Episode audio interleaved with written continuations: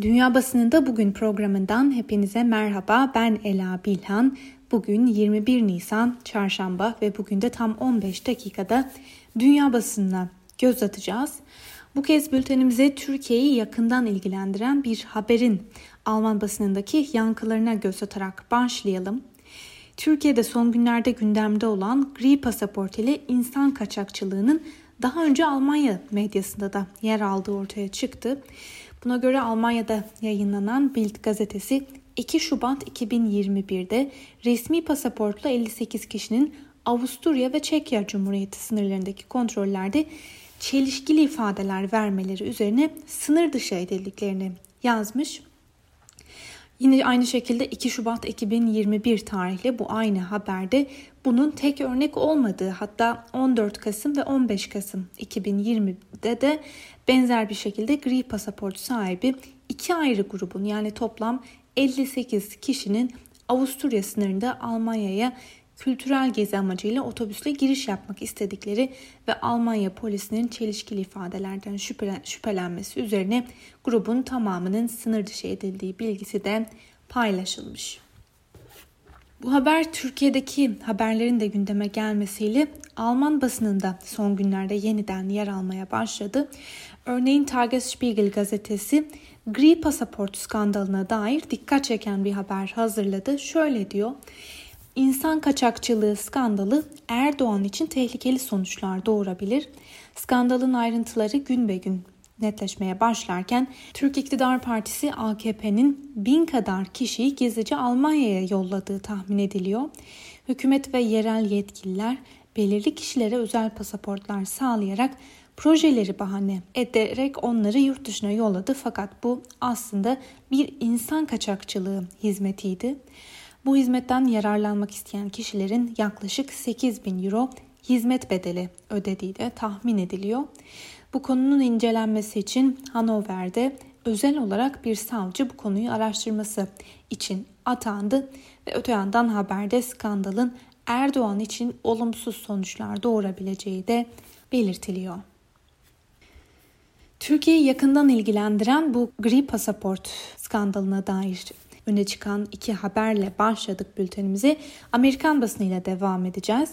Amerikan basınının bir numaralı gündemi George Floyd cinayeti davasında çıkan sonuç.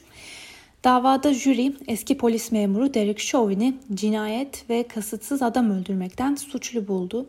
3 haftayı aşkın süredir devam eden duruşmaların sona ermesiyle 15 kişilik jüri 2 güne yayılan ve 15 saati aşan istişareler sonrası dün akşam kararlarını açıkladı. 10 yıllarca hapis cezası alabilecek olan eski polis memuru ikinci ve üçüncü dereceden cinayet ile ikinci dereceden adam öldürme suçlamalarının tümünden suçlu bulundu. New York Times gazetesi kararı memnuniyetle karşılıyor. Haberde bu davanın tekil bir örnek olduğu ve genelde ABD'de polis memurlarının bu tür durumlarda ceza almadığı hatırlatılıyor. Dolayısıyla varılan bu kararı çok çok önemli buluyor. Eski polis memuru Chauvin'i 10 yıllarca hapishaneye tıkabilecek olan karara itiraz edenler de var. Kararın hemen ardından Joe Biden kararı memnuniyetle karşıladığını açıkladı. Siyah Amerikalılara temel hesap verilebilirlik sunabilmek adına nadir fakat hayati bir adım oldu bu karar. Bunun bir cinayet olduğu gün gibi açıktı sözlerini kullandı. Biden kararı ileriye doğru atılan önemli bir adım olarak da değerlendirdi. New York Times'ın aktardığı bir diğer haberde ise acı bir gelişmeye yer verilmiş. Buna göre kararın açıklanmasına tam 25 dakika kalmışken Ohio eyaletinde siyah bir gencin polis memuru tarafından öldürüldüğü haberi geldi.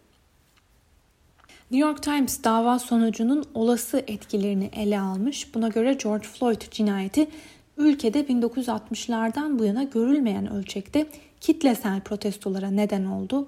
Öyle ki ırksal adalet çağrıları 1960'ların medeni haklar hareketinden bu yana tarihçilerin de belirttiği gibi büyük ölçekte Amerikalıların hayatını değiştirdi. Dava sonucu da ülkeyi o değişime götürmeye devam edecek yorumunu yapıyor New York Times gazetesi. Bu haber tabii ki bugün Washington Post'un da gündeminde aktarılan haberde mahkumiyet kararının neredeyse cinayetten bir yıl sonra geldiğine dikkat çekiliyor. Floyd cinayetinden sonra birçok insanın içini rahatlatan ceza kararı ırksal adalet mücadelesinin önemli bir adım olacak. Genelde bu tür davalarda jüri polis memurlarını suçlamayıp davayı cezasızlıkla sonuçlandırıyorlardı.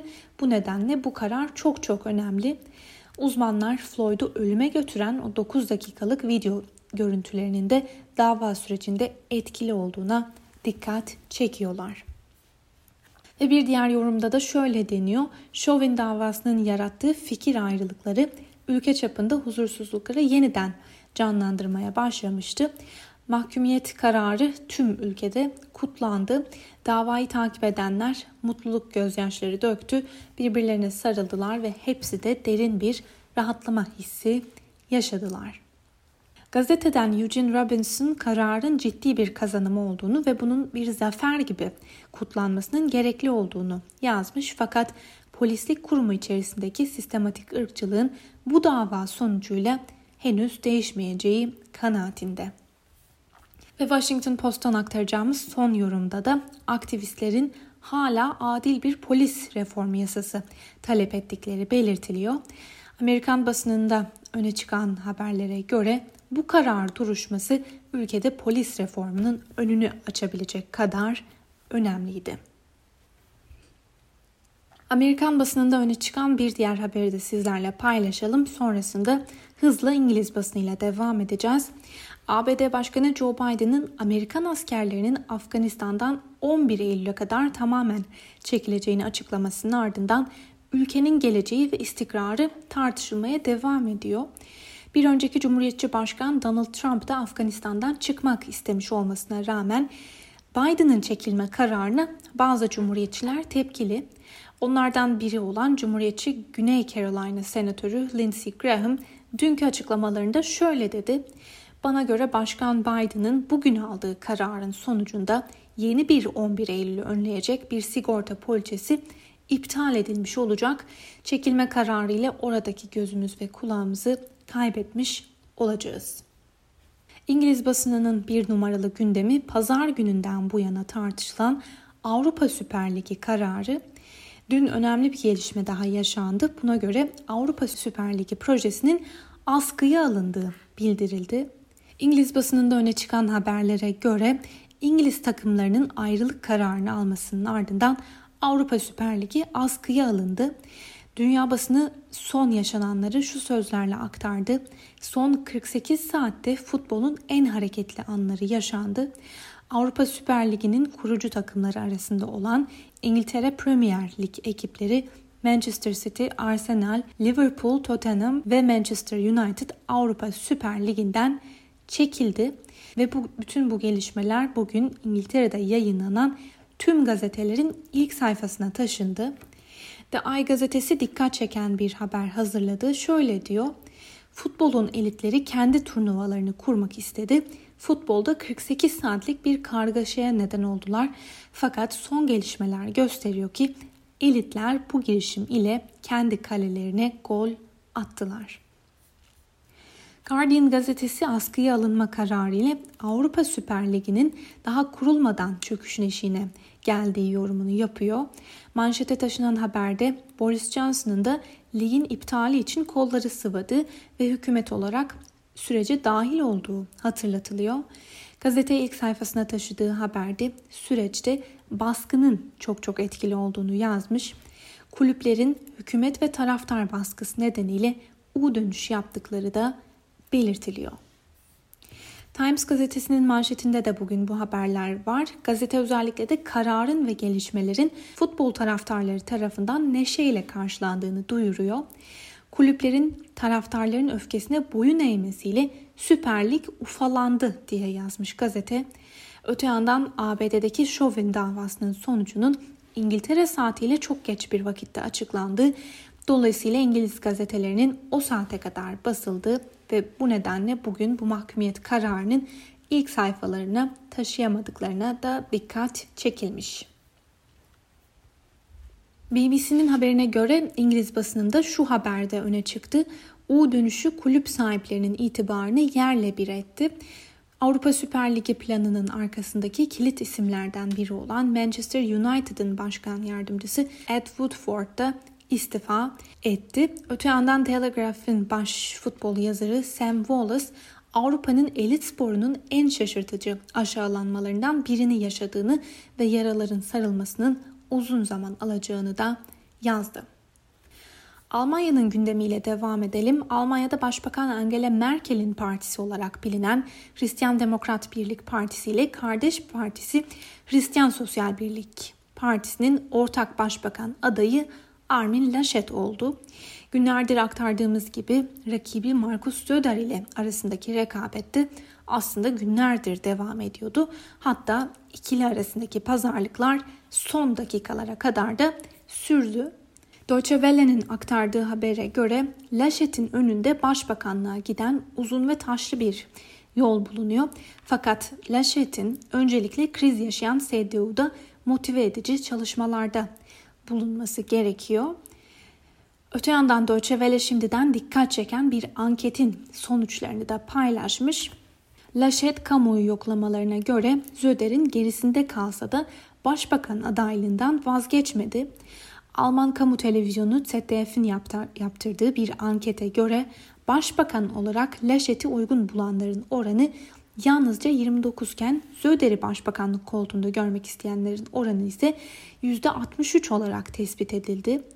Araştırma şirketi Forsa tarafından yapılan son ankete göre Laschet'in başbakan adayı olması halinde 2017 yılında yapılan parlamento seçimlerinde CDU ve CSU'ya oy veren seçmenlerin sadece %32'sinin yine bu partilere oy vereceği de ortaya konmuştu.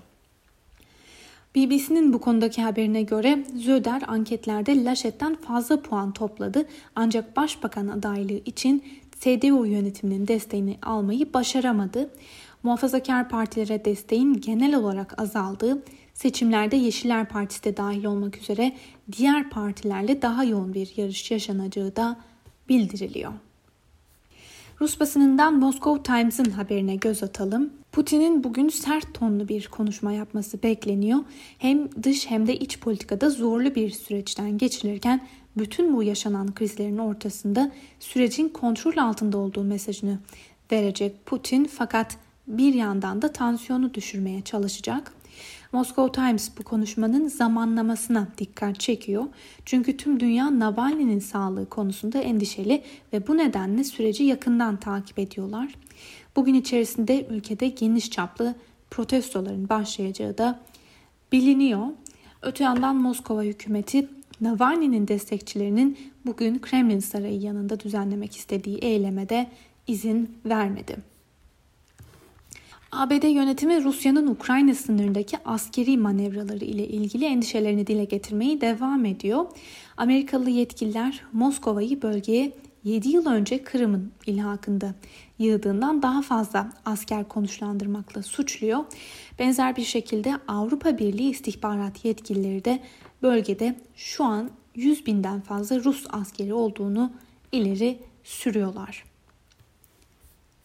El Cezire'nin yorum köşesinde bugün bir kez daha Türkiye'yi yakından ilgilendiren çarpıcı bir analiz var. Ukrayna gerginlikleri Erdoğan ve Putin'in karmaşık ilişkisini test etti diye yazmış El Cezire. Türk ve Rus liderler Batı'nın güvensizliğini paylaşıyor.